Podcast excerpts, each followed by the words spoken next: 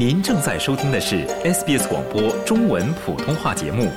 更多节目内容，请浏览 sbs 点 com 点 au 闲斜杠 mandarin，或下载应用程序 SBS Radio App。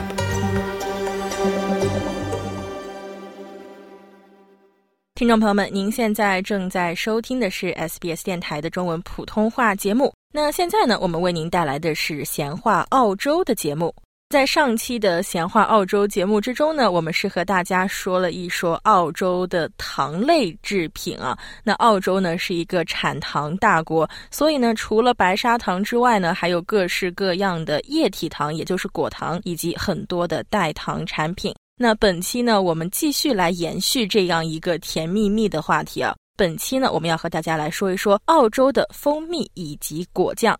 我们今天请到的呢，还是特约嘉宾 Helen Louis。我们一起来先和 Helen 打一个招呼。Helen 您好，雨夜你好，听众朋友们大家好。嗯，Helen，那在上期呢，我们是跟大家说了这样一个非常甜蜜蜜的话题啊。那其实呢，在澳洲很多人也是会去使用蜂蜜来代替糖。澳洲其实也是一个产蜜大国。那澳洲一般是有一些什么样的蜂蜜的？而且我知道，在几年前，澳洲其实是有一个和蜂蜜相关的超市的这种掺假事件的发生啊，可以给我们来简单的回顾一下吗？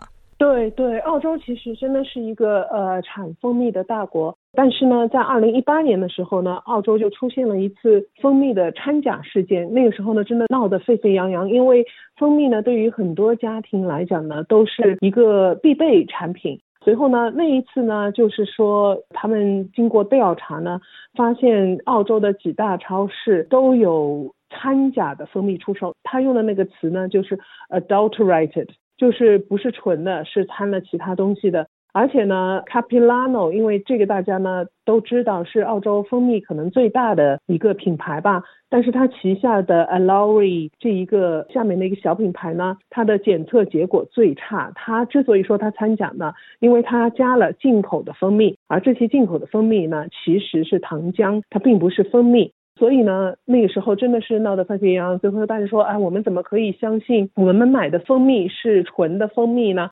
最后呢，就呃有人就站出来说，其实呢，在澳洲买纯蜂蜜呢，其实是非常简单的，就是采购的时候呢，记得找标签上有就是 one hundred percent Australian honey，百分之百的澳洲蜂蜜。因为说如果说标签上是有这个呃说法的话呢。那么就说明他们不会用进口的蜂蜜来掺进去。这个蜂蜜呢，当然是要打引号的，因为这个进口的蜂蜜呢就是糖浆。因为澳洲它本身呢，其实它对蜂蜜的检控还是非常严格的。所以如果是澳洲产的蜂蜜呢，大家其实是可以放心，是应该是百分之一百的蜂蜜。那如果是这样的话，还有什么其他比较简单的方法可以去分辨纯蜂蜜呢？呃，其实有一个非常非常简单的方法来分辨纯蜂蜜，因为纯蜂蜜呢是到了一定的程度，一般来讲就是会结晶的。所以如果说你把纯蜂蜜，比如说带到雪山上去的话，只要不是在呃恒温的室内，就是有空调的情况下，你把纯蜂蜜到了一定的温度，我每次带上山的纯蜂蜜都会结晶。在悉尼啊，可能会，尤其在昆州。你可能会看不到这种情况，但是呢，如果我觉得墨尔本的冬天，或者呢，在塔斯马尼亚 这些地方呢，应该大家可以看到，就是一到冬天，蜂蜜就会结晶。蜂蜜一旦结晶呢，我觉得就是特别的麻烦，因为它就变得非常的硬，而且呢，就是有种砂糖的沙沙的感觉。但是呢，它起码可以证明一点，这个呢是纯蜂蜜，因为掺了糖浆的蜂蜜呢是永远不会结晶的。记得以前小的时候。有家里人可能跟我说，如果这个蜂蜜是结晶了，可能就是变质了。那现在看来，它如果是结晶了，才是真正去判断它是一个好蜂蜜的这样一种方法。对对，的确这样。但说到这里呢，其实在我记得是疫情刚刚开始的时候，大家就找各种事情在家里做，因为出不去门。所以呢，现在其实有很多就是在家养蜂爱好者。可以自己做蜂蜜了，所以呢，我相信现在在听众朋友中也可能会有自己家有养蜂的，随后呢自己收集蜂蜜的，那肯定是比超市里要好吃很多。嗯，也是可以体验这个自给自足的这样一个乐趣啊。那刚刚我们说到澳洲是一个产蜜的大国，那澳洲是不是也是一个大家都会去使用蜂蜜的国度呢？对，我觉得澳洲人呢对蜂蜜真的是非常的喜爱。早上起来，如果说去做一锅非常热气腾腾的麦片粥的话，那么他们通常呢会用蜂蜜加进去，去给它增加一些甜味。呃，还有呢，就是早上起来烤两片面包，那上面可能会涂一层蜂蜜，就为烤面包增加甜味。所以呢，蜂蜜其实是在澳洲呢是用的非常多的，是一个你打开澳洲的食品橱，基本上呢就可以看到有蜂蜜的存在。看来蜂蜜也是在澳洲人的生活中占据着一个非常重要的地位啊。那说到蜂蜜，其实澳洲有非常多种类的蜂蜜，那 Helen 可以给我们的听众朋友们来稍微的科普一下吗？一般来讲呢，在澳洲超市里的蜂蜜呢，都是经过加工的加工蜂蜜。但是呢，现在越来越多的人呢，喜欢去呃用生的蜂蜜 （raw honey），因为从加工的程序来讲呢，生生的蜂蜜呢，就是不经过加工的蜂蜜，比起经过加工的蜂蜜呢，它的营养成分要高很多。但是说实话，如果你买蜂蜜只是为了用来烹饪的话呢？其实还是一般的蜂蜜，只要确保它是百分之一百的蜂蜜就可以了。因为在烹饪过程中，很多营养成分也会流失。呃，接下来呢，从形态来讲，液态的蜂蜜大家都知道，但是我个人最喜欢的呢是蜂巢，就是 honeycomb。这个呢，吃起来非常有质感，而且我觉得比液态的蜂蜜呢要香很多。蜂巢里的蜂蜜呢，当然都是生的蜂蜜了，它就是把那个蜂巢就直接从那个蜂箱里面的板上给它刮下来的。呃，还有一种呢叫 creamed honey，就是奶油蜂蜜，它其实呢仍然是纯的蜂蜜，只是呢把液态蜂蜜跟固态蜂蜜呢，它把它搅拌。几乎就接近于打发这种程度吧，它来制成的颜色呢是那种淡淡的黄色，接近白色的那种淡淡的黄色，它呢很适合于抹面包，呃，所以呢，我其实个人如果说我用蜂蜜来抹面包的话呢，我更喜欢蜂巢，喜欢它的质感，随后呢喜欢 cream honey，也是喜欢它那种淡淡的颜色、淡淡的香气吧。还有呢，就是大家在买蜂蜜的时候呢，即便就是在超市非常畅销的几个品牌，它的蜂蜜下面虽然说看上去质感跟流动性是一样的，但是呢，它在蜂蜜的标签上呢会说 yellow box、mountain、bush 这些词，这些词是什么意思呢？其实它就是蜜蜂采蜜的来源。呃，yellow box 呢是一种树。而 mountain 跟 bush 呢，就指这个蜜蜂呢，主要是在山里或者呢是在丛林里采蜜。如果大家去 Mount Buller 的话呢，布勒山上山的路上，它有一处，其实下山的时候看得最清楚。下山的时候大家可以注意一下，呃，有的时候采蜂人呢，他会把他们的蜂巢放在那里，呃，让蜜蜂呢去采蜜。在下山的时候，有一处是转弯的地方，有一处比较平坦的地方，大家可以注意一下。有的时候呢，可能会看到很多蜂箱放在那里，呃，就是让蜜蜂去采蜜。嗯，可以在这个 mount bulle 上山下山的地方去看到蜂箱啊，但是这些蜂箱应该是不可以去售卖的。那既然说到这个话题，我们可以在澳洲哪些地方去买到一些比较好的蜂蜜呢？当然了，一般的超市就可以买。呃，有的超市呢会有生的蜂蜜买。我看到有那个生的蜂蜜呢，里面装了一块蜂巢的。我觉得这还是比较新奇的。呃，如果去超市买的话呢，大家不要因为 Capilano 这个牌子几年前出了事，就觉得好像这个牌子不好。其实呢，只是它下面的一个小牌子，呃，掺假的呢，它主打的就是一个。呃，一个廉价蜂蜜的一个市场，所以呢，卡皮拉诺它本身的一些蜂蜜呢，呃，还是不错的。它的包装呢，对我来讲，有一些呢是呃非常便利的，比如说有那种挤压式的瓶子啊，它还有一种就是呃很大的。一个塑料的包装，它是有一个挤压式的口，你可以就像把蜂蜜像牙膏似的给挤出来。所以呢，对我来讲，如果说我用蜂蜜来做菜的话呢，那这个是来量出多少蜂蜜来讲呢，这个是最精确的。所以我觉得这个还是非常方便的。当然，如果大家对蜂蜜的不同风味有呃有兴趣的话呢，那我建议呢，大家可以去那一些比较小的那种食品店，尤其是小镇上的食品店呢。可能可以看到当地的特产的蜂蜜，还有呢，就是各种 farmers market，就是农产品的市场，那里呢可以从蜂农那里直接去买。呃，我家附近呢有一个 Sunday Market，就是每周日呢，它都会有一个小的农产品市场。随后呢，他们有蜂农在那里出售蜂蜜。那个蜂蜜呢，我已经试过好几次，他会给你介绍，就是这个蜜蜂呢，主要是在哪一些灌木丛啊或者花，从那些花里采的蜜啊之类的。最后你真的可以吃出不同的味道，而且我觉得他们的蜂蜜的确是非常的香。所以说，你如果说需要呃用蜂蜜来抹面包啊之类的，我觉得是可以考虑到时候去农产品市场去找一些别有风味的呃一些蜂蜜。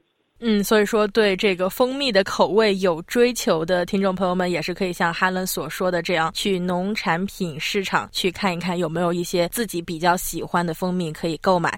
那刚才哈伦也是说到呀，蜂蜜是一个非常好的去涂抹面包的这样一种产品。那另外一种非常好的去跟面包一起食用，或者是去涂抹面包的食品，那就是果酱了。澳洲其实也是一个使用果酱的量非常大的一个国度。哈伦在澳洲，果酱它是用什么英文去表示呢？又有哪些果酱比较出名呢？果酱的话呢，在澳洲跟蜂蜜一样，哪怕去超市，大家可以看到，就是蜂蜜跟果酱就是肩并肩的站在货架上，让大家去选择。因为抹面包的话，不是蜂蜜就是果酱，当然了，还有就是那个 Nutella 那个真人巧克力酱，最后当然还有 Vegemite。但是呢，蜂蜜 跟果是的，对，但是蜂蜜跟果酱呢，还是属于非常非常畅销，被大家非常喜欢的。果酱呢，英文大家最熟悉的呢就是 jam 了，jam 就是果酱，对吧？但是呢，它还有一个名字呢叫 conserve。conserve 呢，它其实就是高大上一点吧。怎么说呢？就是装一下，你可以说哦，this is the conserve，是不是可以卖的更贵一点？对，可能会就可以卖的更贵一点。嗯，但是呢，有一类果酱，我想跟大家指出一下，它是一个独具一派的，那个呢叫 marmalade。大家可能呃记得就是帕丁顿熊是吗？对对对对对，我真的是记忆 太深刻了。每次看到帕丁顿，他都会从他的帽子里面去拿出一块这个 marmalade sandwich，真的是让我非常非常的心动。我还专门去超市去买了这种专门的果酱来尝试。但是你喜欢吗？你我还挺喜欢的耶，因为感觉它有一种柑橘的香味在里面。对对，我也觉得，因为我对一般的果酱就是各种。呃，树莓啊，草莓啊，对这种果酱跟 marmalade 呢，我都是喜欢程度一呃一样。但是呢，我先生特别喜欢 marmalade。刚才呢就说到 marmalade 是独具一派，因为 marmalade 呢就是柑橘类的水果做成的酱，只有柑橘类的水果的果汁或果皮做成酱呢，那它才能叫做 marmalade。当然了，还有就是姜，澳洲人其实是挺喜欢吃姜的。如果用姜做成果酱呢，也可以叫 marmalade。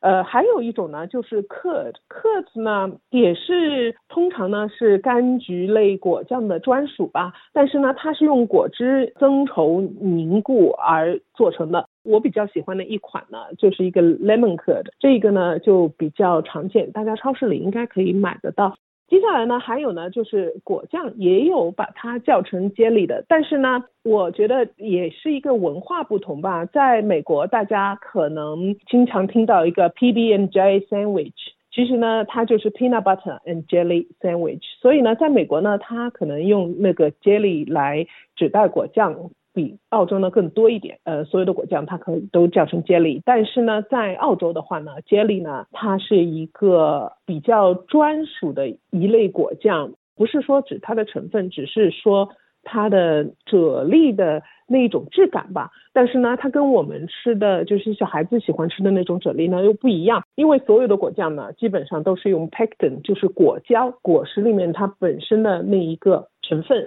去作为一个凝固增稠剂。所以呢，如果是节里是果酱的话呢，它一般不会用吉列丁，吉列丁呢就是用来呃凝固我们说的啫喱的那一种。所以呢，大家这个也可以呃了解一下。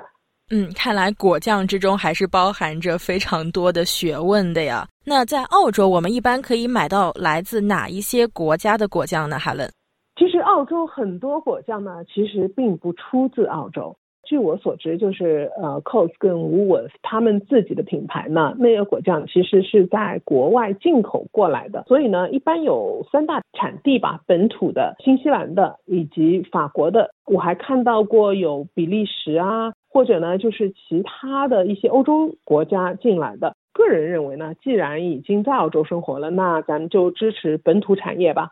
所以呢，我经常会选择由澳洲出产的果酱。而且我觉得澳洲果酱的味道呢还是比较好的，所以就没有必要去选择进口的果酱了吧。看来听众朋友们还是有很多澳洲本土的果酱去可以选择的呀。从这个 Helen 刚刚给我们提供的信息来看，那澳洲果酱是不是也会分一些档次呢？比如在我们之前的有关蜂蜜的来说，其实更好的蜂蜜往往是在比较小的一些农贸市场可以买到。对，澳洲果酱呢，其实更好的果酱也是在农贸市场。个人认为，更好的果酱呢，也是在农贸市场可以买到，因为都是小作坊经营吧。其实有些已经到了一定的规模了，但是呢，跟就是大工厂里批量生产的，我觉得还是能够吃出不同的味道的。我觉得澳洲最畅销的廉价品牌呢，就是 Cotties。和 IXL，但是呢，我觉得这两个牌子的果酱呢，口味就比较单一。我觉得它香味呢也不够，最后口感呢也是那种假假的那种粘稠感。随后呢，中档的一点的呢，就是法国的那个，一个好像是叫 Bonnie Maman，还有一个呢叫 Saint Delphine，这两个呢，呃，是法国产的果酱。我觉得呃味道还可以。我觉得前一个就是 Bonnie Maman，好像是非常呃非常受欢迎的呃一个果酱。随后，澳洲自产的呢，我家一直特别喜欢一个 Barenberg，它是南澳的产的一个果酱。随后呢，刚才说到的那个 Marmalade，新西兰它有一个 Roses，它是一个品牌，我们家特别喜欢呢是一个 Roses Lime Marmalade，就青柠果酱。新西兰呢 Barkers 那个呢也不错。以前呢，呃，我们经常有的时候会去雪山的时候呢，会路过一个小镇叫 Yakindanda。Yakindanda 呢，它有自产的果酱，也是不错。但是我已经很久没有看到了，可能可能是竞争太激烈了吧。但是呢，建议大家就是哪一次去小镇游玩呐，去农产品市场呐，一定要试试那一种 boutique 的那种小作坊出来的果酱，真的，我觉得是肯定比超市的要强好多。嗯，那听到 Helen 的推荐，我是真的要去这些农贸市场去寻寻宝了。不仅可以买到果酱，还可以去看一看有没有自己喜欢的蜂蜜。对，还有大家其实可以去试着做果酱。如果家里有果树啊，或者邻居有果树，有一些多余的果子啊，因为做果酱的果子不用是就是呃卖相特别好的，呃只要是果子就可以做果酱嘛。因为我婆婆以前呢，她会做各种 marmalade。他会做各种柑橘果酱，最后呢，他会做 jelly，来用果汁，最后呢就凝固成作为这个果酱。他也会做很多李子酱，因为他家有两棵很大的李子树，随后呢，他就会用那个李子呢来做果酱。所以大家有兴趣的话，可以自己去做果酱，我相信也是肯定比超市买的要好吃。自己动手丰衣足食吗？那今天呢，我们也是跟大家说了一说澳洲的一些蜂蜜和果酱啊。是不是听众朋友们，您也开始觉得有一些流口水了呢？那如果是这样的话呢，我们也是可以去农贸市场去寻寻宝啊。那今天呢，我们也是非常感谢 Helen 给我们来盘点澳洲的蜂蜜和果酱。谢谢 Helen，谢谢雨夜，谢谢听众朋友。想在 SBS 当一回影评人吗？SBS On Demand 正在推送配有中文字幕的热门影视作品。您只需观看一部或以上影视作品，并把影评观后感发给我们，就有机会赢得一份 SBS 精美礼品。